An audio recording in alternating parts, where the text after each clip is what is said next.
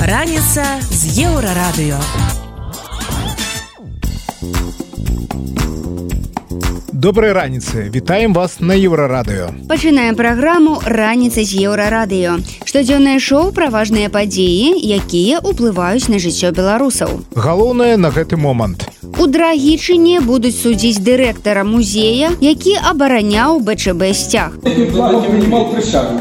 Этим флагом принимал присягу после советской присяги. И на меня это никак не повлияло раздраженно или что. И четыре года этот флаг висел у нас и в комнатах, и в воинских частях, и с ним принимали присягу.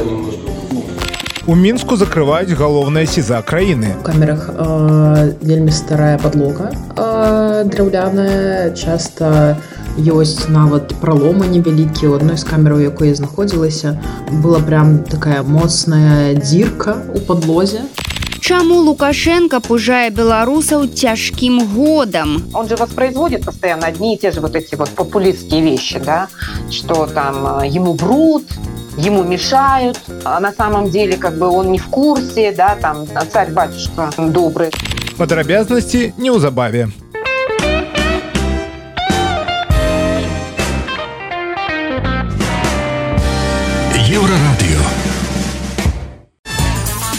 Раніца з еўрарадыё. У драгічыне будуць судзіць дырэктара вайскова-гістарычнага музея Сергея Граніка. Яго абвінавачваюць у незаконных дзеяннях з агнястрэльнай зброяй. падчас ператрусу у дырэктара знайшлі патрон польскай вытворчасці 1930-х гадоў ён прызначаны для вінтоўкі маузер узору 1894 года гэта расцанілі як незаконнае захоўванне боепрыпасаў і пачалі крымінальную справу Праваабаронцы мяркуюць, што патрон мог быць падкінуты, бо вобшук у граніка праходзіў па іншай справе. Нібыта шукалі самагонны апарат і самагонку, хаця сам дырэктар музея не п'е. Вядома, што на прэзідэнцкіх выбарах двадцатого года ён уваходзіў у раённую выбарчую камісію ад беларускай сацыял-дэмакратычнай партыі грамада. Ужо пасля выбараў адкрыта крытыкаваў забарону бел-чырвона-белага сцяга і нацыянальных сімвалаў. Казаў пра важнасць шматпартыйнасці і незалежных медыяў, каб людзі ведалі праўду. Паслухаем ягоны выступ падчас паседжання з прадстаўніком БРЦМа. Присягу после советской присяги. И на меня это никак не повлияло раздраженно или что. И четыре года этот флаг висел у нас в комнатах, и в воинских частях, и с ним принимали присягу. Ну, и никто никаких вопросов не задавал по поводу этого. Польша живет... Где у нас, получается, разделилась национальная символика, БЧБ и герб погоня, и государственная символика. И для того, чтобы этот решить вопрос, просто-напросто нужно было признать и ту, и другую символику равнозначными. Тогда бы никто никаких вопросов не задавал. Значит, кому-то выгодно это. Понимаете? Это политика. Это политика, я Да. согласен. Ну, тут Значит, вопрос сложный. Да. Мы- это должны решать историки, специалисты, которые, значит, архива, с архивами работают и знают, как эти процессы происходили. У нас должна быть э, альтернатива во всем. Например, многопартийная система. Должна быть многопартийная система. Я согласен. Понимаете, без многопартийной системы, без такой конкуренции должна быть свободная пресса. Я в этом уверен на 100%. Потому что без свободы пресса это четвертая ветвь власти. Так, Сергей Петрович? И э, если зажимать прессу, то мы не будем знать реальной картины в государстве. Понимаете или нет? Это? Поэтому надо, да, за, если опубликует человек ложь, то через суд, конечно, его привлекать к соответствующей ответственности. Но э, Средства массовой информации должны быть свободны. Так же, как и политические партии самые разнообразные. И доступ к органам власти должен быть у всех политических партий одинаковый. То есть они, как и религии, перед законом или перед Конституцией все равны.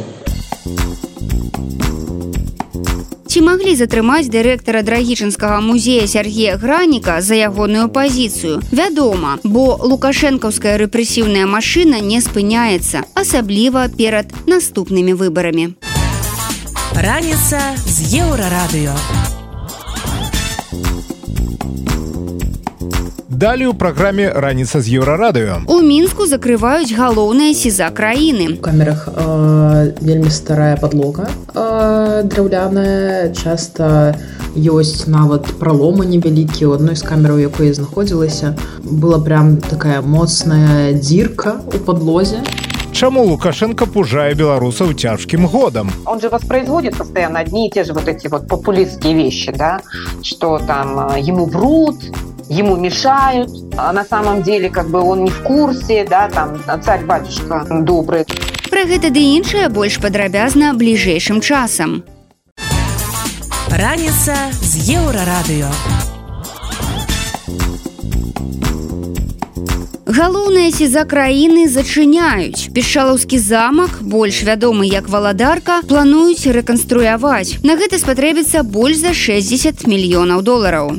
Цяпер будынак, які знаходзіцца па адрасе валадарскага 2 у мінску выкарыстоўваецца як следчы ізалятар. Што з ім будзе пасля, улады не паведамляюць. Усіх зняволеных, у тым ліку палітычных, павінны перавесці да канца чэрвеня. Родныя некаторых затрыманых ужо атрымалі адпаведны ліст. У ім сказана, што перавод пачаўся з 8 студзеня. Вязні валадаркі пераедуць у новы следчы ізалятар у калядзічах. Але якія ўмовы на валадарцы цяпер? Пра гэта распавядае былая палізняволеная і актывістка Алана Гэбры Марыям. У камерах э, вельмі старая подлога э, драўляная часта ёсць нават праломы невялікія у адной з камераў якой я знаходзілася.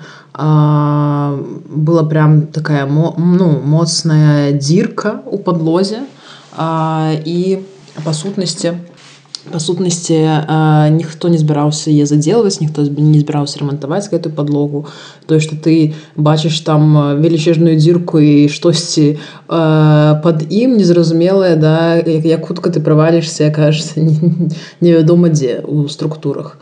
Э, тое ж самае тычыцца напэўна і сцен і столяў Таму што тынк адвальваецца ці фарбы я не ведаю як назваць адвальваецца часты расколены на сценах трэшчыны на столях таксама мэбля дастаткова старая у камерах гэта звычайна драўляны драўляны стол і такая лаўка па сутнасці да стола. Ну, вось і все мэбля у камерах дзе я была ну бывает маленькія навесныя палічкі таксама драўляны таксама старага абразца і дастаткова шаткія старыя і ў прынцыпе ну такое у дахадзячым рэжыме так сказаць знаходзіцца ў гэтай камеры ну і прынцыпе камеры там дзе я была все тры яны невялікія і яны не разлічаны на тую колькасць людзей на якую стаяць ложкі шконкі по турэмнаму і па сутнасці не толькі не хапае нейкай утульнасці і адэкватных умоў да адэкватнага хаця, хаця бы касметычнага ремонту але не хапае месца каб знаходзіцца там каб рухацца там хадзіць сидзець есть Валадарка служыць турмой апошнія 200 гадоў пры любой уладзе падчас войнаў рэвалюцыі і акупацыі. Праз яе сцены праходзілі як самыя страшныя злачынцы, так і беларуская інтэлігенцыя. Першымі пастаяльцамі сталі ўдзельнікі паўстання кастуся каліноўскага. А з два -го года праз ізалятар прайшлі тысячы асуджаных па палітычных справах. Раніца з еўрарадыё. Далей у праграме раніца з еўрарадыё. Чаму Лукашенко пужае беларусаў цяжкім годам? Он же воспроизводит постоянно одни и те же вот эти вот популистские вещи, да, что там э, ему врут, ему мешают, а на самом деле как бы он не в курсе, да, там царь-батюшка добрый. Працягнем неўзабаве. Раніца з еўрарадыё. Падчас свайго каляднага выступу ў царкве ў шаршунах Лукашенко зноў загаварыў пра цяжкія часы. Маўляў, перад выбарамі на беларусах будуць трэніравацца. Таму трэба годна пражыць гэты час і паказаць свету, хто гаспадар у сваёй краіне.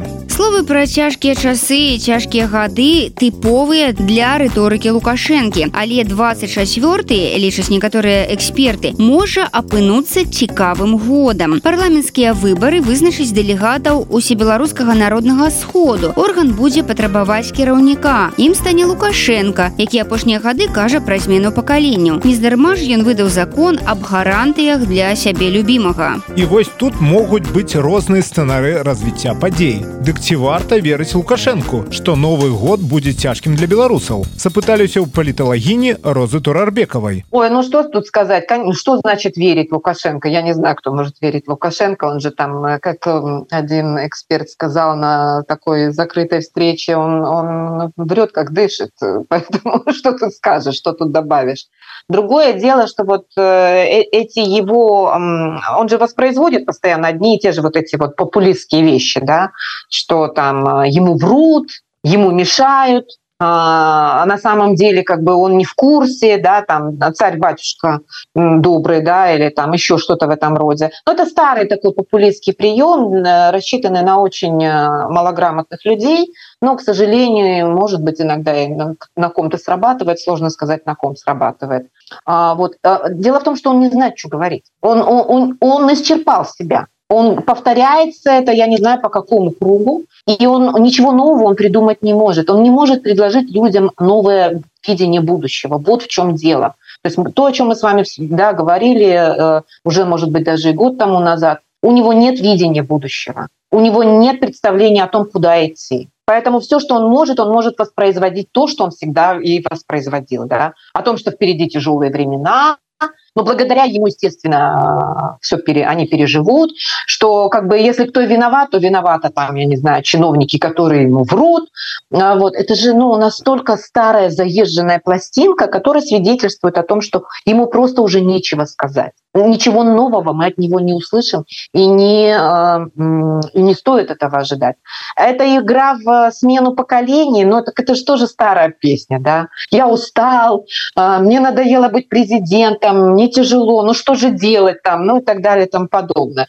А, вот. Ну сколько можно как бы на это покупаться? Я вот просто поражаюсь всерьез начинают обсуждать в связи с этими изменениями в Конституцию. Он уйдет на роль главы ВНС, а кто останется? Да он никогда не оставит кресло президента. Это, эти все игры были затеяны с тем, чтобы, с одной стороны, простите за это просторечие, запудрить мозги да, всем, а второе э, – это проверить своих же. Кто куда побежит, кто с кем начнет какую, какую беседу. Это же проверка. Это же проверка своих же, своего окружения.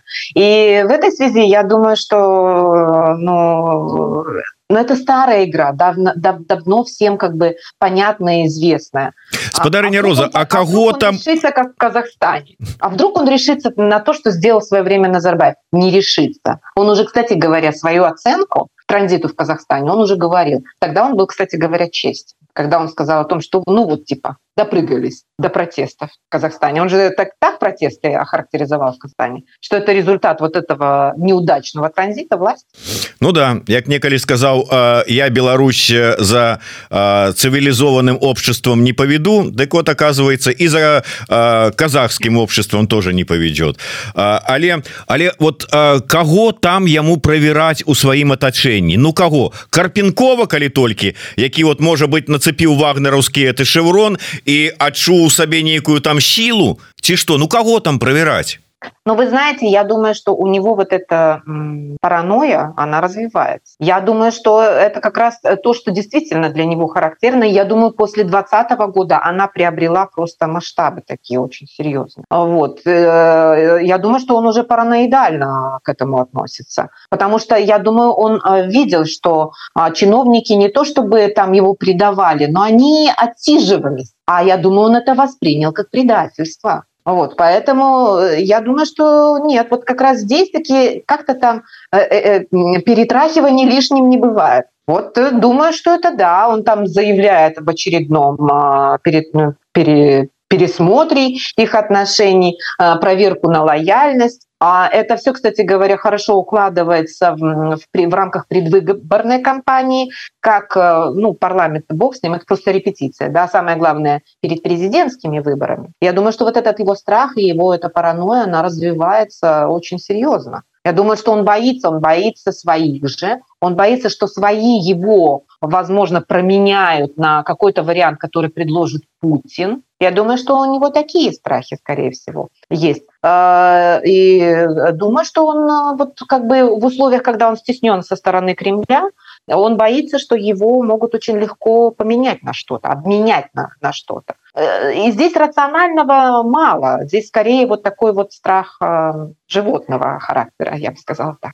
І што гэты чалавек, які ў прынцыпе э, наплеваў на ўсе законы разам з канстытуцыяй верыць, што нейкі там закон о, о гарантыях прэзідэнту яго ўратуе? Я думаю, что это просто дань долгу. Как бы он э, так пытается приучить э, чиновников чему-то там, кому-то там. Но да, э, знаете, я думаю, что мы иногда преувеличиваем степень осведомленности Лукашенко с точки зрения, э, там, я не знаю, аналогичных э, случаев э, э, с диктаторами. Вот. Он знает, как там обошлись с Каддафи, он знает, как обошлись с Саддамом Хусейном, со Слободаном Межлошевичем, но это предел его знаний. Он не знает, как на самом деле с точки зрения истории в целом а, ситуация, а, как это, может развиваться а, в отношении автократов. То есть его исторические знания, они, а, по всей вероятности, ограничены просто его опытом политическим. То есть вот ну, при нем да, случилось, там, там, что произошло с Каддафи, там, с Милошевичем,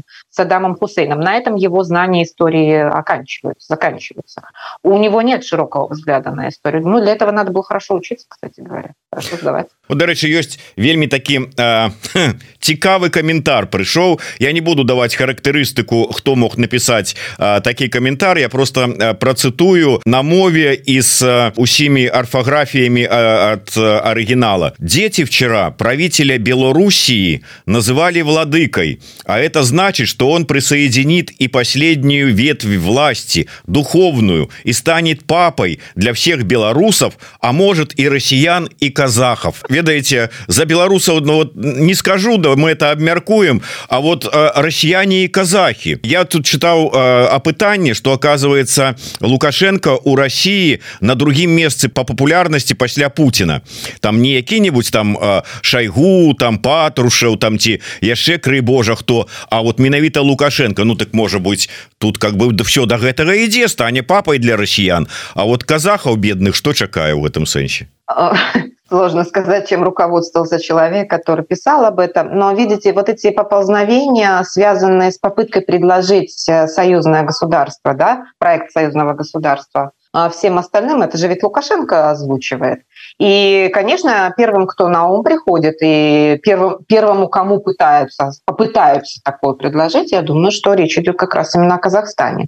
Ну, конечно, вот этот вот э, забавный комментарий, который вы сейчас прочитали, ну, он, понятное дело, достаточно смешно звучит, но в целом э, вот э, то, о чем э, в последнее время говорится, что этот принятие закона да, об, упрощении, об, упрощенной, об упрощенной процедуре, извините меня, принятия да, в гражданство, вот, которое распространяется в первую очередь на украинцев и белорусов. И впоследствии, может быть, это будет э, как бы распространено в том числе и на Казахстан. А, вот, поэтому я в этом как бы опять-таки вижу эти тревожные симптомы, тем более, что в Казахстане постоянно обсуждается а, в независимых экспертных кругах вот этот вопрос, связанный с попыткой, возможной попыткой России а, что-либо сделать э, с Казахстаном. А, вот, тем более, что там отдельные депутаты Государственной Думы выступают с разного рода бредовыми идеями. И в общем и целом, конечно, это не очень хорошая тенденция, потому что Казахстан достаточно уязвим, граница большая, достаточно значительное русское меньшинство, уже не говоря о том, что даже казахское общество, часть казахского общества находится под сильным информационным влиянием со стороны кремлевских а, пропагандистов, медиа. А, в общем и целом там ситуация не, не, не, не, не так однозначна. Э, мы видим выступление, слышим выступление Такаева, а, подчеркнуто идет политика деколонизации, десоветизации, но на самом деле Казахстан достаточно серьезным образом зависим от России, и э, там много уязвимых мест вот, о которых э, власти знают, но которые требуют значительных усилий и времени, чтобы э, этим это изменить, да, переломить эту тенденцию. Поэтому, ну, к сожалению, вот такого рода комментарии, они отражают, ну, может быть, определенные настроения или видение того, что в будущем там можно создать союзное государство и с Казахстаном. То есть включить, извините меня, Казахстан в союзное государство Працягваем гутарку з розай турарбекавай пытанне задае зміцер лукашук я б хацеў зараз яшчэ працягнуць на тэму унутры беларускай сітуацыі вельмі так цікавую думку выказаў сёння у нас в эфиры Аркадий мошас калі мы з ім размаўлялі про тое что ну ці магчымы там нейкія ўсё ж таки змены унутры вот этого самого лукашэнкаўскага режима там может быть там э, ну умоўна там транзіты не транзіты А вот знаешь смена крэсла аднаго на другога і ён кажа что калі там і магчымы якія-нибудь змены то лукашенко свои сінія пальцы якімі трымаецца за крэсла пафарбуе ў чырвоны колер. Вот і все что зменится так вот чырвоны колер пальца у лукашэнкі мне выклікае асацыяцыю с рэпрэсіямі якія працягваюцца Беларусі. Ось гэтая сітуацыя з затрыманнем музыкаў гурта нізкіс увогуле тое что адбываецца. У пытанне чарговае которое я вам не один раз уже задаваў але ўсё ж таки ну куды можна працягваць? Здаецца ўсё зачышчанае. Вот які сэнс? Вот вы бачыце сэнс у працягу гэтых рэпрэсій?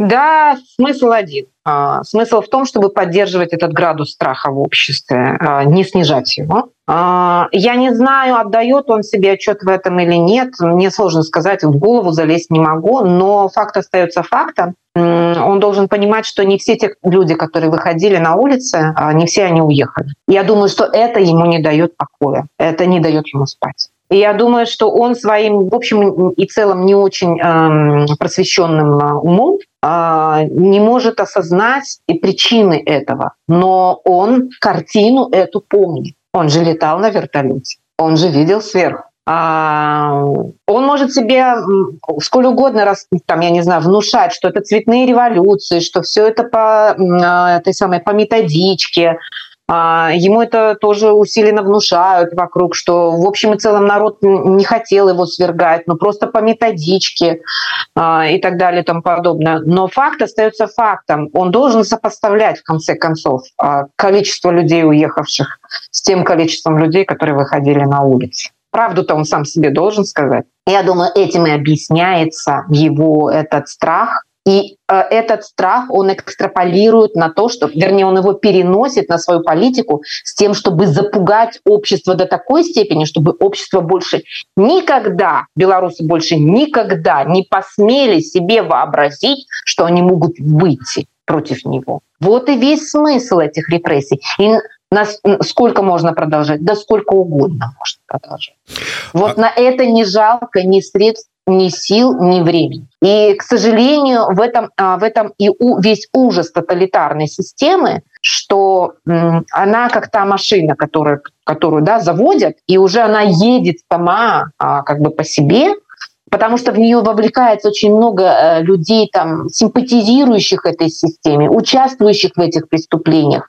А будет в людях самые низкие э, инстинкты и качества. Ведь э, вот посмотрите, сколько стукачей появилось, да, сколько людей мыслит о том, что, может быть, они еще и какую-нибудь собственность поимеют и карьеру поимеют благодаря этим репрессиям. Ведь кто-то же купил квартиру Тихановских, ведь кто-то же купил машину у Бабарика. Теперь же они все сколько еще собственности арестовано Ну да як там это э, страшная э, ну как бы пародыя на картину была калі э, у э, там 30-е годы заселяется вот это вот знаменоска э, приехавшая и говорит как хорошо что предыдущих хозяев расстреляли А теперь представьте себе сколько людей из э, советского прошлого в Беларуси. Это ну, не только в Беларуси, это может быть и в Украине, конечно же, в России, наверное, в Казахстане. Но сколько людей в свое время э, как бы приняли участие в этом, той или иной форме, голосовали за расстрелы, получали э, квартиры, делали карьеру, и так далее и тому подобное. Сами писали доносы с желанием как бы занять то место, которое занимает тот или иной человек. А, в общем и целом, я думаю, что благодаря этому еще и тоталитарная система держалась, потому что в нее были вовлечены, в ней, от нее не только страдали, то есть не только жертвы, но и палачи, но не только палачи, но и весь, как говорится, этот все это окружение, которое, которых, ну, я не знаю, как их назвать, да, ну, подлецы, и они считают это нормой свое поведение. Глядзіце вот сапраўды ваши словы про тое что вот хочуць яны гэтымі пастаян неспыннымі рэпрэсіямі каб сітуацыя не паўтарылась.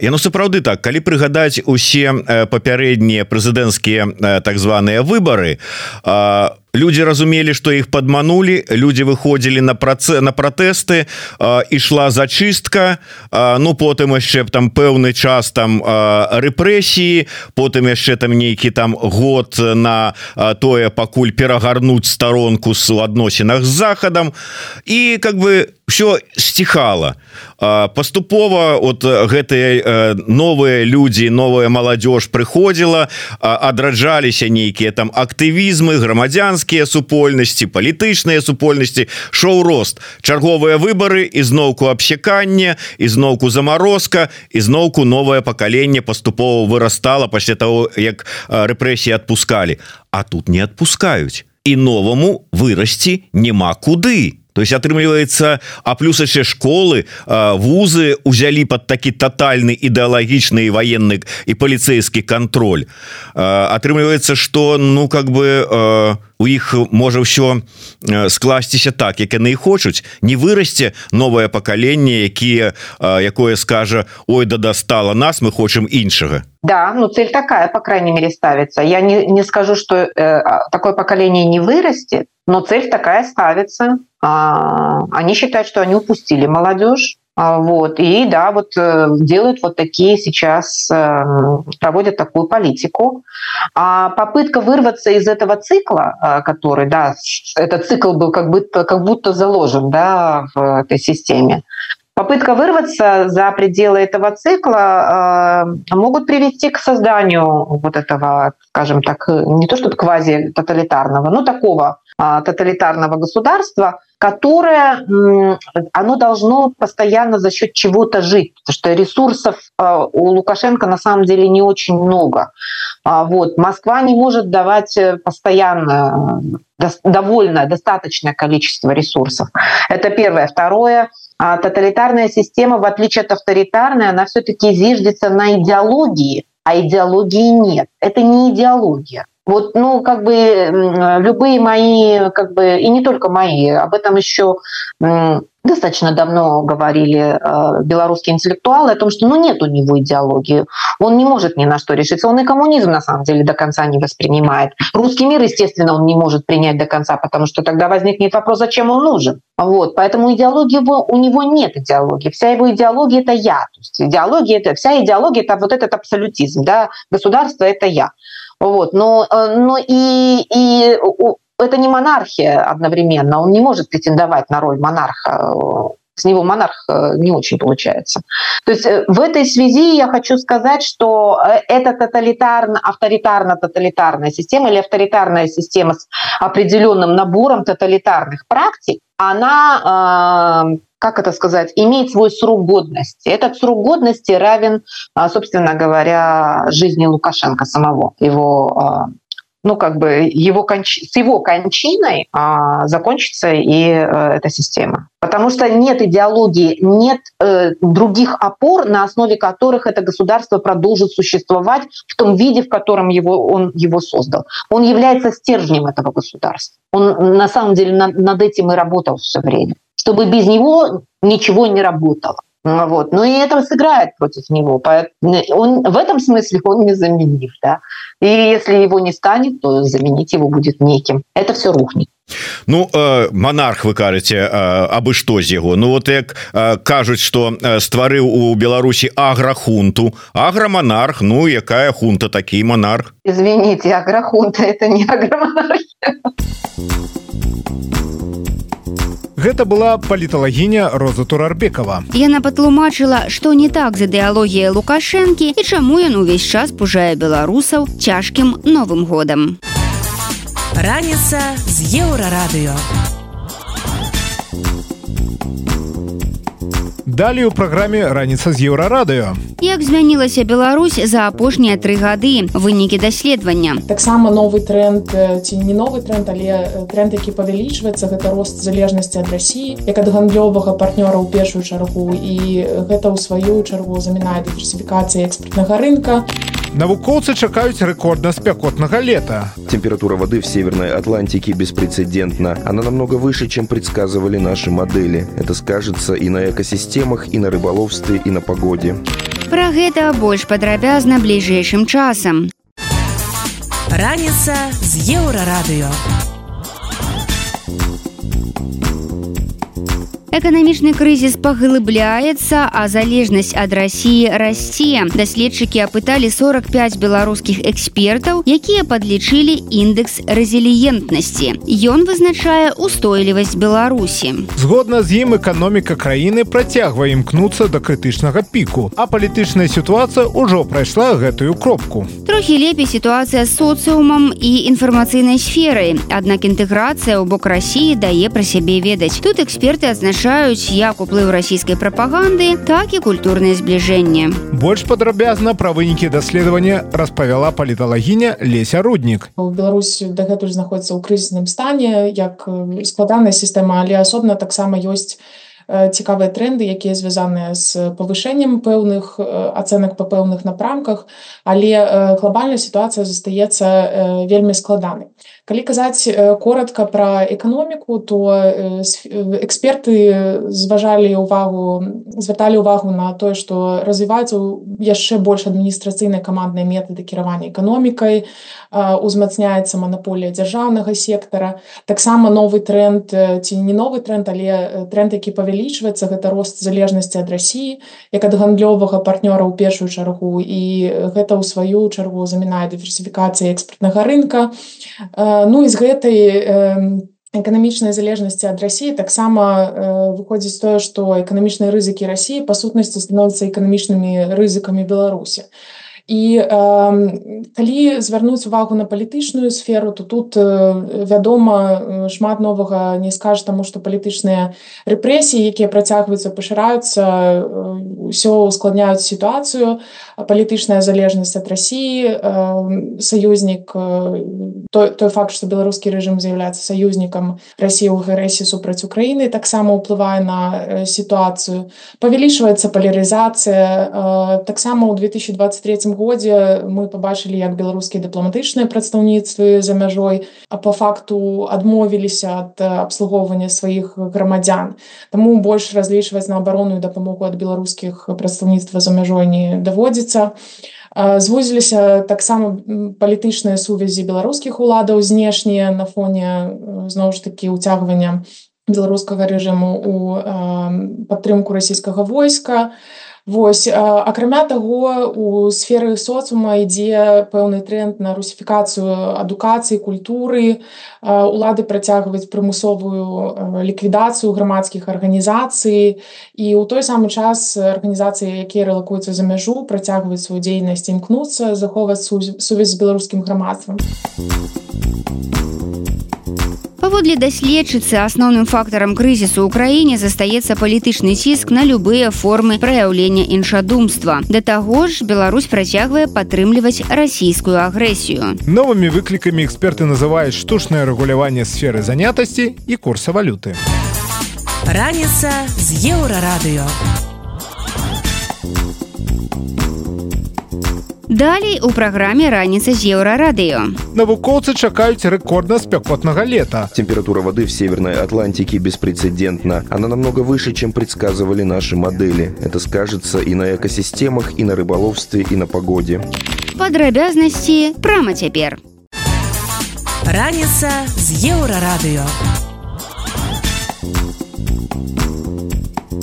У гэтым годзе навукоўцы чакаюць рэкордную спёку. Тэмпература паветра павысіцца больш, чым на паўтара градусы. Аднак такія лічбы эколагі планавалі мець толькі ў 2050 годзе. Значыць, глобальнае пацяпленне паскараецца. Адной з галоўных прычынаў вучоныя называюць змяненне клімату, якое выклікана спальваннем паліва і павелічэннем парніковых газаў у атмасферы. Яшчэ адна прычына, якая ўплывае на клімат, ваганне тэмпературы вады ў акіяне пацяпленне яна становіцца цяплейшай а праз гэта цяплейшым робіцца і паветра Вось што распавядае прадстаўнік сусветнай метэаралагічнай арганізацыі Майкл Спэроу. Ученые сильно обеспокоены темпами роста температуры океанов и сокращения площади морского льда, потому что нам следует помнить, что океаны поглощают больше 90% избыточного тепла, которые люди выбрасывают в атмосферу из-за парниковых газов. Температура воды в Северной Атлантике беспрецедентна. Она намного выше, чем предсказывали наши модели. Это скажется и на экосистемах, и на рыболовстве, и на погоде.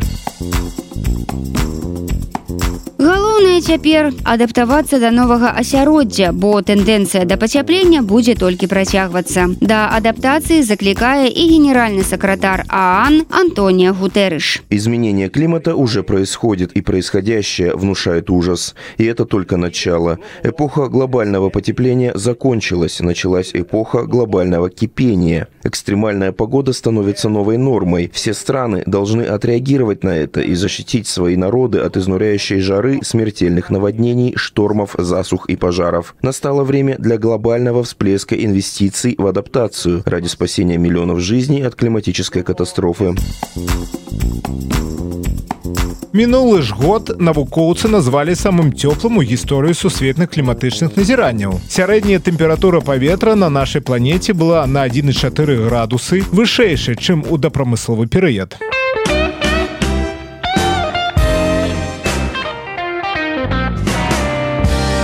Еврорадио.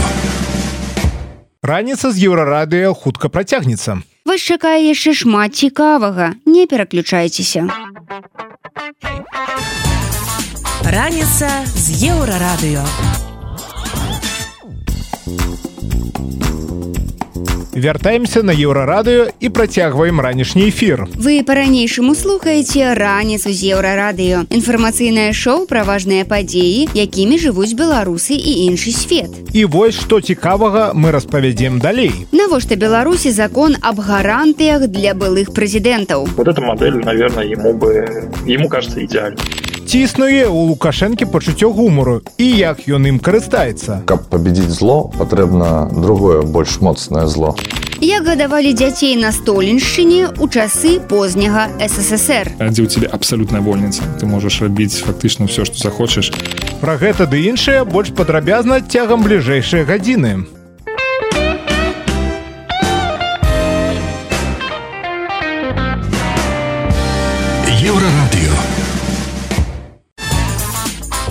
Раніца з еўрарадыё.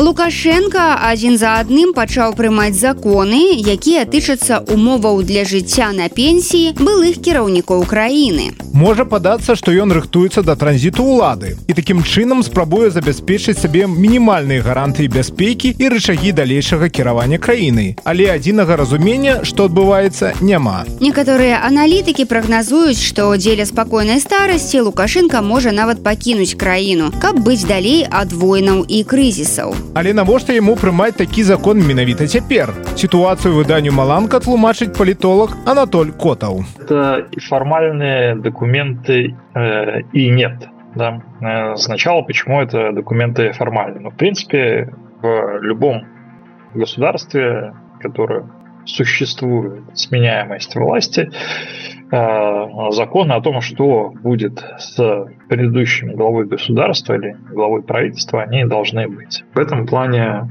скажем так, то, что в Беларуси не было э, ничего подобного системного на протяжении почти уже 30 лет правления Лукашенко, ну, как-то э, выглядело скорее странно, чем э, нормальная практика в обычных странах. Поэтому, с одной стороны, вроде как нет ничего удивительного, что эти документы появились. С другой стороны, в этом можно, наверное, и нужно видеть э, признаки того, что Лукашенко всерьез э, задумался о, если не пенсии, то, по крайней мере, о уходе со своего главного поста в жизни, который он э, захватил и удерживает.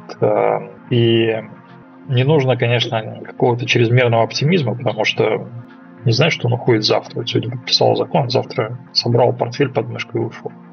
Но как один из э, серьезных э, вариантов, да, такой это, запасной аэродром, этот трек уже фактически формализован. Думаю, что ему даже психологически было очень сложно подписывать этот документ, потому что это ну, такая процедура провожания самого себя, прощания с самим собой э, запустилась, э, неизбежно, неизбежное стало намного ближе. Документ, с одной стороны, формальный, потому что он должен быть, э, а с другой стороны, его отсутствие на, на протяжении 30 лет и подписания сейчас говорит о том, что так или иначе осознание необходимости ухода пришло. Другое дело, что это не состоится завтра, но с большой долей вероятности можно прогнозировать. В этом году Александр Лукашенко и вот, должность, титул президент, они, в общем-то, прекратят быть тождественными. Лукашенко не хацеў бы раздзяляць гаротны лёс дыктатара Лівіі Муамара Кадафі ці пазбавіцца прывілеяў, як гэта адбылося з казахстанскім былым лідарам Нурсултанам Назарбаевым. Але збудаваны лукашэнкам рэжым без яго непасрэднага ўдзелу доўга не праіснуе. І ён добра разумее марнасць падзелу на лепшы сцэнар. Тады якім ён бачыць транзіт улады ў краіне? Ці верыць у тое, што зможа застацца ў якасці бацькі нацыі? Пра протягивая Анатоль Котов. Во-первых, транзит власти в стране, которая является авторитарной, который действует э, авторитаризм, авторитарная модель управления, эта штука абсолютно непредсказуема. То есть он неизбежно начинается, но его течение очень сложно контролировать. Почему? Потому что однозначно, да, э, где-то еще пару лет назад э, Лукашенко смотрел в сторону Назарбаева, каким образом этот транзит с кучей письменных гарантий, кучей должностей, которые сопоставимы, а где-то и превосходят по полномочиям, по неприкосновенности пост президента и управляемый серый преемник на, должны были бы обеспечить э, клану Назарбаева как минимум сохранение своего статуса в качестве, может быть, не совсем открытого, но теневого вершителя судеб в Казахстане. И во что это превратилось уже практически там, через полгода, через год после начала а, этого политического транзита, когда, в общем-то, Назарбаева вместе с его кланом фактически отправили на задворки истории. То есть он жив, он даже частично а, сохранил а, капитал, имущество, но тем не менее, в общем-то, никто уже его не считает елбасы, и эта история с транзитом закончилась. Такой обеспеченный, охраняемый, почетный пенсионер. А, естественно, такой, такое течение событий в Казахстане, оно очень серьезно повлияло на как бы, то, что происходит в голове в планах у Александра Лукашенко, а, потому что, помимо всего прочего, тут присутствует еще мнительность и паранойя, а, и, соответственно, кого из преемников, условно говоря, не выбирай, любую фамилию можно назвать, Вольфович, Качанова, Головченко, даже Виктор, какие бы только ни назывались экспертами, в любой момент после того, как этот кто-то оказывается в кресле президента, а, все может пойти не так. Потому что все-таки наличие двух центров власти в авторитарной модели недопустимо, оно ее разваливает изнутри. А ключевой момент э, для того, кто а, в таком формате правит в Минске, это поддержка Российской Федерации. Они не общаются с бывшим они общаются, общаются так или иначе с действующими. То бишь, э, какой-то такой просто ну, пересесть в другое кресло, это ну, фактически самому себе подписать э, политический приговор. А может быть э, и не только политический. Александр Лукашенко это как бы прекрасно понимает, поэтому для него э, оптимальным движением, наверное, в направлении этого транзита будет являться сохранение двух постов одновременно так долго, как это возможно. Но, э, скажем так, опять логика авторитарных э, режимов подсказывает, что как только ты э, садишься на второй стул, первый у тебя начнут забирать, причем первый начнет шататься не по твоей воле. И Ключевую роль э, играют не столько внешние факторы, сколько внутренний раздрай, который так или иначе начинается, потому что появляются два центра силы, два центра власти, и это вот э, привыкшая к некоторой иерархичности э, номенклатура и олигархат начинают метаться.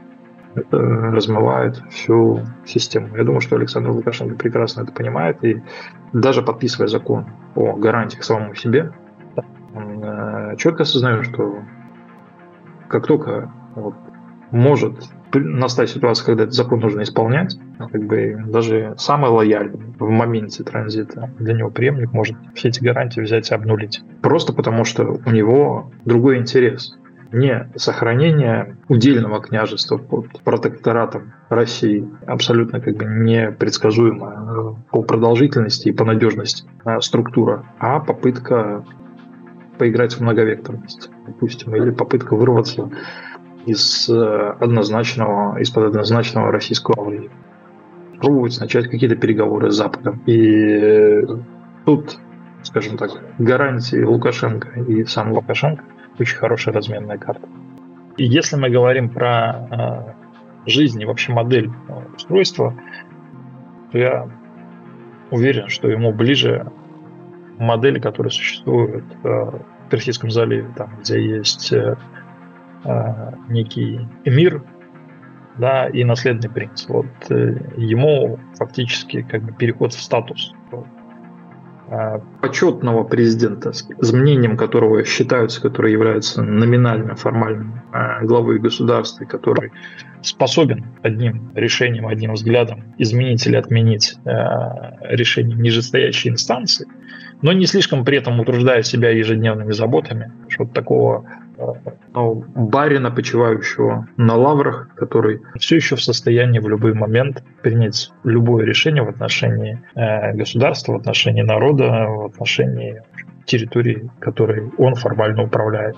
При этом как бы быть избавленным от э, ежедневных каких-то вот этих разборов, такой управленческий отдых. Да? Вот эта модель, наверное, ему бы ему кажется идеальной.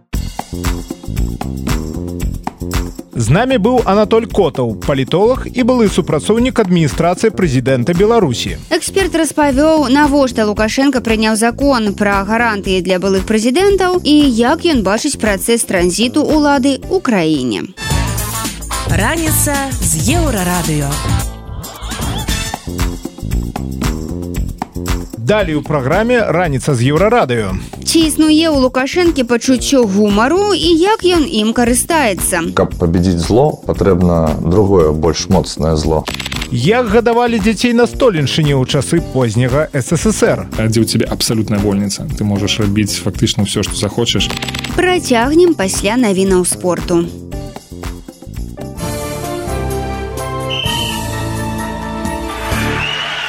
На еўрарадыё навіны спорту. У ягора шаранговіча дубалі ў пераможным матчы калгары за тавай. У беларускага хакеіста ўжо 27 выніковых ачкоў у 41 матчы чэмпіянату НХл. Бліжэйшая гульня 12 студзеня ў гасцях з арызонай. Хакеісты мінскага дынама абыгралі аднаго з лідараў КХл маскоўскі спартак 31 пасля 47 матчаў у дынамаўцаў 47 ачкоў яны па-ранейшаму займаюць восьмае месца ў заходняй канферэнцыі 11 студзеня дынама прыме тарпеда з ніжняга ноўгарада. Кваліфікацыю адкрытага чэмпіянату Аўстраліі па тэнісе не прайшлі беларускія тэнісісты Юлія Гатаўко, Ірына Шымановіча і Ілля Івашка. Яны прайгралі ўжо свае першыя паядынкі з трох, якія прадугледжаны ў адборы. Устаноўлены рэкорд наведвальнасці гандбольных матчаў на першыя паядынкі чэмпіянату Еўропы сярод мужчынскіх каманд у Десельдорфе на футбольнай арэне прыдалі больш за 53 тысячи квіткоў. Дысцыплінарны камітэт канфедэрацыі афрыканскага футбола расследуе справу паўабаронцы зборнай габона елора канга како яго падазраюць у падробцы афіцыйных дакументаў. Футбалісту трэба патлумачыць як так атрымалася што ён нарадзіўся праз чатыры гады пасля смерці сваёй маці. Гэта былі навіны спорту на еўрарадыё. Заставайцеся з намі. Раніца з еўрарадыё летом 2022 года адзін з вядомых беларускіх комікаў і стваральнік мінска стендап камедди холл Дмітрий нарышкін пераехаў з беларусі ў польшу да гэтага часу у яго за плячыма быў ужо досвед працы на расійскім тэлеканале TNT супрацоўніцтва з маскоўскім камедди клуб спроба стварэння цэнтра беларускага стендапу у мінску валанцёрства у байкове 19 і пагрозы ад сілавікоў цяпер комік записывае ўласныя стендапы і youtube-шоу а таксама гастралюе з выступамі па Польшчы у размове з тэлеканалам белсад нарышкін распавёў пра небяспечнасць палітычных жартаў у беларусі і кантроль КДБ на мінскіх канцэртах коли ви зрозуміли що жартувати про Лукашенка стало небезпечно, коли ви це відчули на собі? Гэта было заўсёды небяспечна ў Беларусі. А коли ви відчули, що все, оцей жарт був це дабівка? Так, першы раз было, калі я адрэагаваў мяне паклікалі выступаць на прэмію банк года Беларусі. І каб вы уяўлялі, якое становішча эканомікі ў Беларусі сярод банкаў было ў 2017 годзе, я выступаў на прэміі банк год банк года беларусі на яком былі собраны э, прадстаўнікі ўсіх банкаў у доўг гэта і быў жыццёвы жарт то есть мяне запрасілі выступіць але сказалі што узнагарода будзе крыху пазней калі будуць грошы гэта вось прэмія банку я гэта напісаў у фейсбуку некалькі дэмакратычных сМ пад схапіла гэтую ну гэты жарцік размясцілі ў сябе і праз некаторы час за мной связаліся і, і запрасілі каб я выдаліў гэты жарт Хто зв'язався?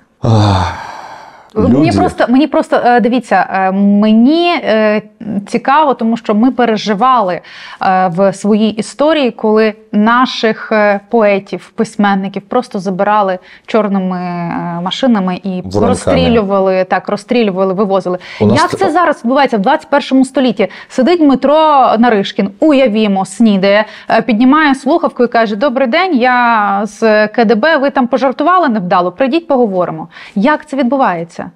Я уже не памятаю як гэта адбылася. Я памятаю як за мной связаліся але цікава другое что у нас таксама ёсць ноч расстрелянных паэтаў я пытаю зараз, як гэта адбываецца зараз? Так. слухайте ну мы же гэта ўсё праходзілі ўжо ў гісторыі. Гэта же ўсё было 27 нет не 27 а 37 год. Гэта все адбывалася. Вы ж ведаеце с самы такі жарт я не ведаю хто аўтар про тое что калі пачалася паўнавартаснае ўтаржэнне рассіі ва ўкраіну хтосьці пажартаваў калі бы я свайму деду распавядаў што мяне будуць немцы защищаць ад рускіх ён бы мне не паверыў Вось мы гэта ўсё праходзілі і гэта просто ми на ті ж граблі наступили знов. Добре, ви як це пережили? Був мандраж? Чи ви боялися перший раз іти в органи? Ви чи... ведаєте, що у нас відбувалося у Білорусі? Досконально ведаєте, що відбувалося у Білорусі з 20-го року? Так, так. Зараз з кожною програмою я знаю все більше і більше. Але зараз я питаю саме От саме ваша емоція. Ви ж розуміли, що ви, якщо йдете, ви можете звідти не повернутися? Гэта разумеюць кожны жыхар Беларусі, у якога ёсць сумленне зараз. І кожны беларус, які зараз застаецца ў Беларусі, але ў яго ёсць сумленне, ён э, выбірае э, сторону добра, старонку добра, то э, для мяне гэта сапраўдны герой. Там вельмі цяжкае становішча, каб заставацца чалавекам. Дмитро, ваша эмоція. Э, мне як і ўсім людзям мне было заўсёды страшна страшно заўсёды але ты гэта робіш не таму что ну так меня так бацька воспитал что калі у тебе ёсць позірк і ты ведаеш что твой позірк правы шчыры ну адстаивай яго на ваші виступи приходили співробітники КДБ конечно А як ви їх вираховували Ну яны, яны цікава э, апранаюцца вось э, э, яшчэ э, скажем так э, ёсць іншыя людзі які папярэджвалі аб гэтым што будзе ты выіскиваеш і разумееш што вось вось гэты двое мужчын не пайшлі бы з барсеткамі вось тут ці вось гэты абутак які твой бацька носіць але звычайная твоя публіка не. Ну вось як-то адчуваецца. І яны заўсёды я бы хацеў адзначыць яны заўсёды усміхаліся больш за ўсіх. Ім вельмі падабаліся жарты пра лукашенко пра становішча. Вось існуе меркаванне што лукашенко не любіць тых хто над ім смяецца і актыўна пераследуе гумарыстаў якія спрабуюць жартаваць з яго яго сям'і ці ягоных палітычных рашэнняў. Але пры гэтым пачуццё гумару у лукашэнкі ёсць чым актыўна карыстаецца ягоная прэс-служба і прапаганда тыражуючы інфармацыю пра жыццё і дзейнасць дыктатара. Менавіта так лічыць комік Дмітрый нарышкін. Слухаем як ён тлумачыць сваю пазіцыю. Во-первых транзит власти в стране, которая является авторитарной, в которой действует э, авторитаризм, авторитарная модель управления, эта штука абсолютно непредсказуема. То есть он неизбежно начинается, но его течение очень сложно контролировать. Почему? Потому что однозначно, да, э, где-то еще пару лет назад э, Лукашенко смотрел в сторону Назарбаева, каким образом этот транзит с а, кучей письменных гарантий, кучей должностей, которые сопоставимы, а где-то и превосходят по полномочиям, по неприкосновенности пост президента и управляемый серый преемник на, должны были бы обеспечить э, клану Назарбаева как минимум сохранение своего статуса в качестве может быть, не совсем открытого, но теневого вершителя судеб в Казахстане. И во что это превратилось уже практически там, через полгода, через год после начала а, этого политического транзита, когда, в общем-то, Назарбаева вместе с его кланом фактически отправили на задворки истории. То есть он жив, даже частично сохранил а, капитал, имущество, но тем не менее, в общем-то, никто уже его не считает елбасы, Э, и эта история с транзитом закончилась такой обеспеченный, охраняемый, почетный пенсионер. А, естественно, такой, такое течение событий в Казахстане, оно очень серьезно повлияло на как бы, то, что происходит в голове и в планах у Александра Лукашенко, а, потому что, помимо всего прочего, тут присутствует еще мнительность и паранойя, а, и, соответственно, кого из преемников, условно говоря, не выбирай, любую фамилию можно назвать, Вольфович, Качанова, Головченко, даже Виктор, какие бы только ни назывались экспертами, в любой момент после того, как этот кто-то оказывается в кресле президента, а, все может пойти не так. Потому что все-таки наличие двух центров власти в авторитарной модели недопустимо, оно ее разваливает изнутри.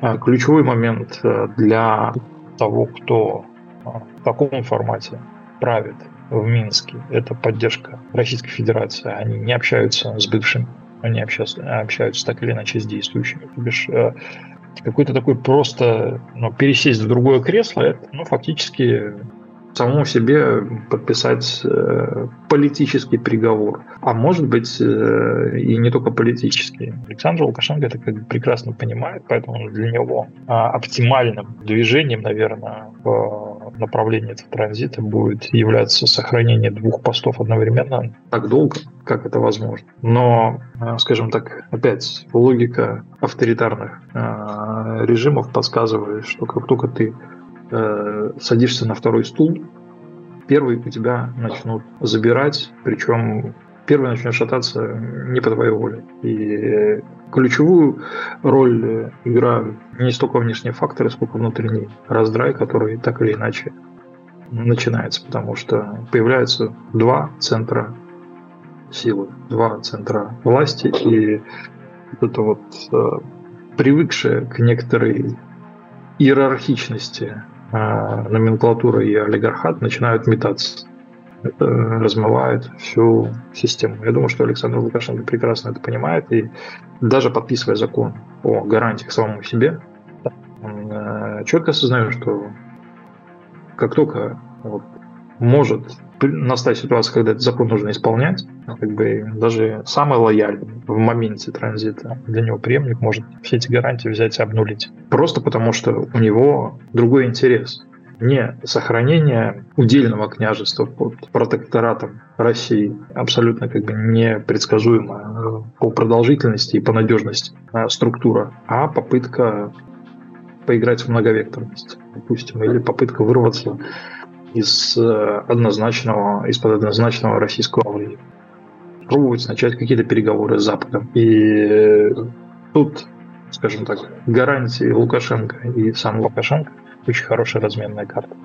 И если мы говорим про э, жизнь и вообще модель э, устройства, то я уверен, что ему ближе модели, которые существуют э, в Персидском заливе, там, где есть э, э, некий эмир, да, и наследный принц. Вот э, ему фактически как бы переход в статус почетного президента, с мнением которого считаются, который является номинально формальным э, главой государства, который способен одним решением, одним взглядом изменить или отменить э, решение нижестоящей инстанции, но не слишком при этом утруждая себя ежедневными заботами. Вот такого барина, почивающего на лаврах, который все еще в состоянии в любой момент принять любое решение в отношении э, государства, в отношении народа, в отношении территории, которой он формально управляет. При этом как бы быть избавленным от э, ежедневных каких-то вот этих разборок такой управленческий отдых. Да? Вот эта модель, наверное, ему бы ему кажется идеальной. Мы слухали размову з беларускім комікам Дмітрыем нарышкіным. Стэндапер распавёў пра небяспечнасць палітычнага гумара ў Беларусі, кадэбістаў на мінскіх канцэртах і метадах, дзекуючы якім Лукашенко выкарыстоўвае гумар сябе на карысць. Раніца з еўрарадыё. Далей у праграме раніца з еўрарадыё. Як гадавалі дзяцей на столеншыне ў часы позняга ССР. Дзе ў тебе абсалютная вольніца. Ты можаш рабіць фактычна ўсё, што захочаш. Працягнем пасля навінаў шоу-бізу. Шоу-біз.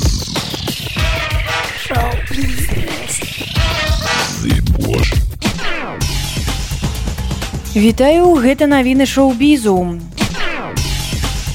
Стваральнік фільма атрад самазабойцаў Дэвід Эйр аб'явіў сваю рэжысёрскую версію лепшай экранізацыі коміксаў. Студыя прайшла праз некалькі змен кіраўніцтва, але ні ў кого з уцягнутых у гэты працэс не было злога намеру або недобразычлівасці ці чагосьці яшчэ. Усе проста хацелі аднаго выніку зняць выдатны камерцыйна паспяховы фільм. Проста былі розныя ўяўленні аб тым, якім менавіта ён павінен апынуцца. Я зняў выдатны фільм. Тыя, хто бачылі маю версію, практычна аднадушна слушна сцвярджалі што гэта адна з лепшых экранізацый калі-небудзь знятых. Калі хтосьці хто бачыў рэжысёрскі варыянт і жадае аспрэчыць гэта тады ён можа просто прыйсці пагаварыць са мной распавёў дэвіта У новага ваеннага фільма Гая рычы міністэрства не джентльменскай вайны з генры кавілам у галоўнай ролі з'явілася дата прэм'еры 19 красавіка 2024 Такім чынам фільм Lionsгет будзе супернічаць у пракаце з яшчэ не атрымаўшым афіцыйнай назвы трылерам аб монстрах які радиосайленс здыме на студыі Universal.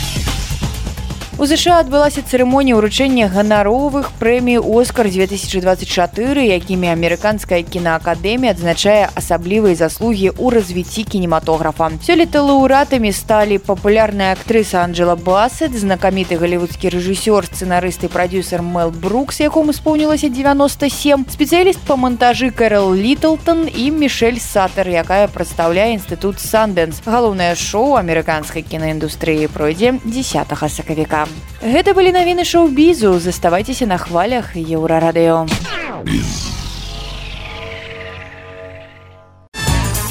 Раніца з еўрарадыё. А цяпер працяг палескай рубрыкі на еўрарадыё. Мы слухаем чарговую частку вялікай размовы з валерам кавалеўскім, былым дыпламатам, намеснікам Святланы Ціхановскай у аб'яднаным пераходным кабінеце і палішуком па нараджэнні. Палітык распавядае гісторыі пра сваё дзяцінства, якое прыйшлося на 80-тыя гады ў вёсцы беражное, гэта на стольншыне. Якія гістарычныя фішкі існуюць у родным рэгіёне кавалеўскага і як захаваць палескую асаблівасць у рускамоўным мацяроддзі людзі слухаем что прадстаўнік дэмсілаў распавядае пра сябе. Дарэчы соленьшына гэта ж такавы цікавы таксама гістарычны рэгіён. У вас же ж там побач манькавічы так. там гэты палац радзівілаў. А вас у дзяцінстве неяк там ну вось у школе беражнога так распавядалі вось пра гэтыя ўсе фішачкі столеншчыны? Вось што вам больш за ўсё падабалася з гэтай гісторыі пастольніцкай Ну, найперш у нас у беражным ёсць палац панова лешаў гэта такі досыць знакаміты род і зараз там такая населены пункт называется нова беражное яно складаецца фактычна толькі з аднаго это палаца і з вінзавода. Ён захаваўся. Так ён захаваўся хаця ён не ў самым лепшым выглядзе а пана леша гэты адзін з яго роду напісаў тую самую кніжку знакамітую тры тласцяка у свой час. Але найбольш знакамітыя рэчы для нас гэта былі дэвід гарадок які досыць старажытны таксама блізкі тураў. Таксама это вельмі лёгкія адсылкі да турвапінскага княства то бок ты гэтую гісторыю мог адчуваць. Хаця не могу сказаць што нам гэта ўсё рассказывалася вось так мэта накіравана паглядзіце якая у нас багатая гісторыя. Там яна сягае туды там стагоддзі стагоддзі ў гісторыю. Такога мабыць не было. Такого асэнсавання вельмі дакладна дакладна трапна што мы живвем у месцы якое было часткай гістарычных працэсаў. Ну так это як там едзеш дзе-небудзь там у парыжці ў Рым так і у любой там галерэі у любым музеі вялікім сядзяць гэтыя дзеці просто на падлозе ім распавядаюць там не ведаю пра клода манеці пра якія-небудзь творы Леонардо да Вінчі. Ну і як бы гэта ўсё так натуральным чынам уваходзіць у дзяцей. Вось мы беларусы ўсё ж былі пазбаўленыя гэтага ўсяго. Ну тут я дадам напрыклад что побач з манькавічамі якраз такі знаходзіцца урочышча стасіна. Это месца расстрэлу габрэяў падчас другой сусветнай войны я про гэта даведаўся ўжо ў больш сталым узросце. Что гэта такое мне да гэтага часу не было вядома. Про гэта не распавядалі. Гэта была такая вельмі вельмі мікралакальная гісторыя. Хаця мы ведалі что сярод нас нават у тым самым беражным жылі габрэі якіх ну, адпаведна знішчалі падчас другой сусветнай войны то бок это была наша гісторыя але пра яе не казалі казалі про партызан казалі про ну, там баі якія былі застолен такія досыць цяжкія. Але далёка не ўся гісторыя до нас даводзілася і тлумачылі. То бок было немало прабелаў я б сказаў так.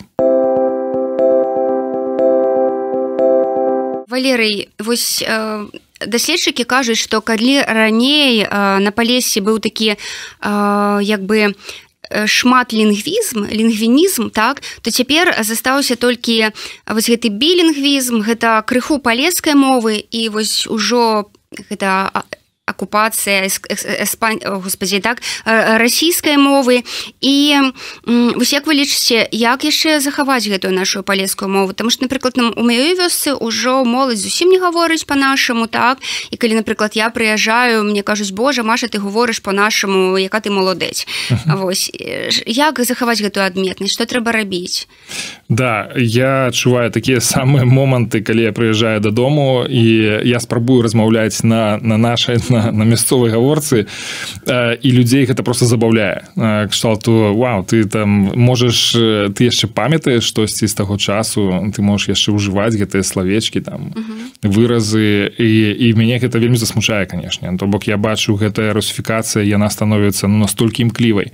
Гэты рэгрэс ён стаўся вельмі відавочным за апошнія десятгоддзі ну фактычна за, за час праўлення лукашэнкі. Я памятаю як яшчэ яшчэ падчас майго навучання ў школе калі хтосьці прыязджаў з рускай мовы там з расейцаў то да іх ставіліся ну не сказаць грэбліва але так з, з таким скептыцызмам хто ты такі каб тут прыязджаць? Вы гарадскі там вы размаўляеце на рускай мове вы не нашы гэта было вельмі выразны такі маркер там размаўляеш на рускай мове там хто ты такі? Не могу сказаць что у нас быў было частыя частыя магчымасці для размовы з беларускамоўнымі вось такімі выразна беларускамоўнымі людзьмі. Але калі яны былі то гэта ніколі не выклікала нейкіх таких адмоўных рэакцый. Руская мова так. Яна выклікала бо стаўленне да тых да васточнікаў як кажуць ці як яшчэ казалі на рускіх халаты. Вось такое халаты? халаты. У вас так казалі. Так. Таксама цікавае слово чаму халаты. Можа гэта яшчэ з часоў мангола-татарская іга ці ці можа ад слова халатнасць хто яго ведае. Але сапраўды гэтае стаўленне было таким больш насцярожаным скептычным дзе дзе ты адчуваў што ёсць мы а ёсць яны Працягваем слухаць пра асаблівасці палескага выхавання валера кавалеўскага а таксама пра яго жыццё на столеншыне ў 80 і 90-е гады. Я памятаю такая гісторыя была у нас было 20 гадоў класу і трэба было ну калі мы скончылі школу і трэба было збірацца мне патэлефанаваў аднакласнік кажа слухай э, можа дапаможаш аб тэлефанаваць? Вось давайте збярэмся ну, я пачала дзяўчатам тэлефанаваць мне потым адна сказала ведаеш э, я не хацела ісці таму что там же трэба ўставаць распавядаць распавядаць хто ты что ты. Мне там ну не такія суперскія э, дасягненні ў жыцці як можа там у вас ва ўсіх але ты размаўляла со мной по-нашаму і гэта ну нешта такое зрабіла что я просто взяла і прыйшла А я напрыклад не умею размаўляць со сваімі аднакласнікамі на іншай мове чым на нашай тому что ну я ж там 10 гадоў з імі размаўляла вось так. а так это гэта такі некамфортны пераход э, на на рускую мову. То то бок мы выраслі у адным моўным асяроддзі ці і яно у мяне замацавалася ў памяці што яно павінна быць так ты прыязджаеш а з табой у парт размаўляюць на на рускай мове. Это не вельмі прыемна. Хаця пасля калі ўжо там некае застоле некае святкаванне то людзі паступова вяртаюцца да да той мовы да того вымаўлення якое Ну, якое наша роднае і гэта тое што застаецца з намі заўсёды але канешне бываеце прыкрыя сітуацыі калі адны мои знаёмыя быў амерыканскі дыпламат які часта прыязджаў у наш раён я яго попрасіў каб ён сустрэўся з маімі сябрамі.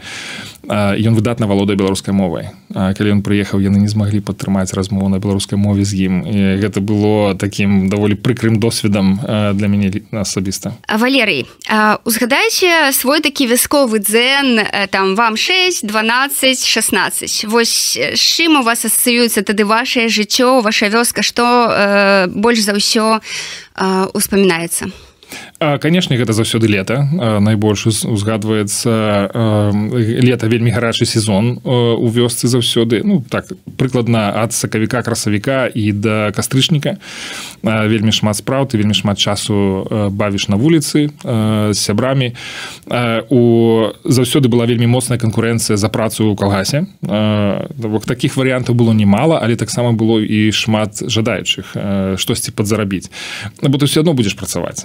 Дома ты працуеш за тое каб там штосьці потрапіла на стол для сям'і у калгасе ты можешь працаваць на свае ўласныя грошы і, і гэта была такая адметнасць якая зараз можа падавацца часам некай экзатычнай а тады это было важна і прэстыжна дамагчыся таго каб атрымаць гэтую працу там ці это можа быць зернаток ці ці гэта у садзе працаваць там на там на праполцы там на, на гэтым далей. Ну і такія сезонныя больш такія дробныя там буракі там там ці бульбу капаць ці ці моркву дзесьці І ну, бадай што гэта ну, такія самыя самыя лёгкія шчаслівыя часы былі. То бок тут я заўсёды была магчымасць камбінаваць і твоя праца якая ўжо фактычна робіць я трошки больш дарослым чалавекам больш адказным.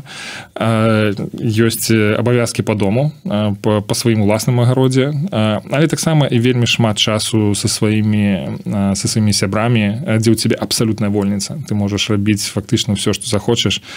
Ніякіх таких асаблівых абмежаванняў абмежаванняў не было. І это таксама дазваляла дзецям быць больш самастойнымі больш аўтаномнымі у, у тым што яны робяць не азначае што не было нейкіх эксцэсаў канешне але Мне здаецца у мне была вельмі класная школа мне былі выдатныя настаўнікі выдатныя аднакласнікі з якімі было ну, сапраўды цікава і бавіць час і вырашаць нейкія там побытавыя пытанні. Мы заўсёды адзін аднаму дапамагалі дзе маглі.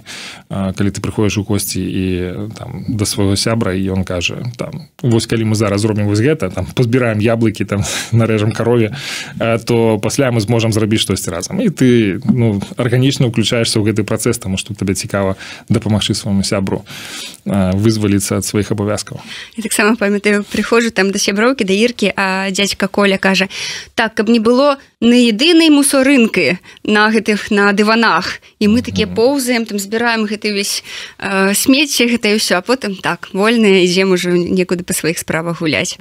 Так это як казалі у нас кажуць прыбіраць хаты. Гэта, гэта цікава да? То, то бок кожны пакой гэта асобна лічы што хаты прыбіраць хаты не одну хату.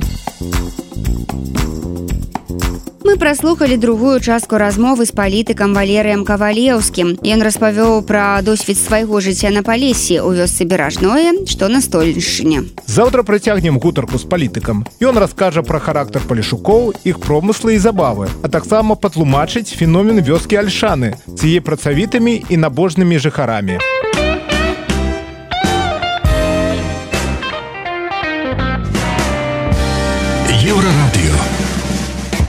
Гэта былі самыя важныя навіны і сэнсы раніцы з еўрарадыё. Заўтра ранкам мы распавядзем вам пра галоўнае, што адбываецца ў краіне і свеце. Сустракаемся ў той жа час у тым жа месцы. Беражыце сябе. Пачуемся.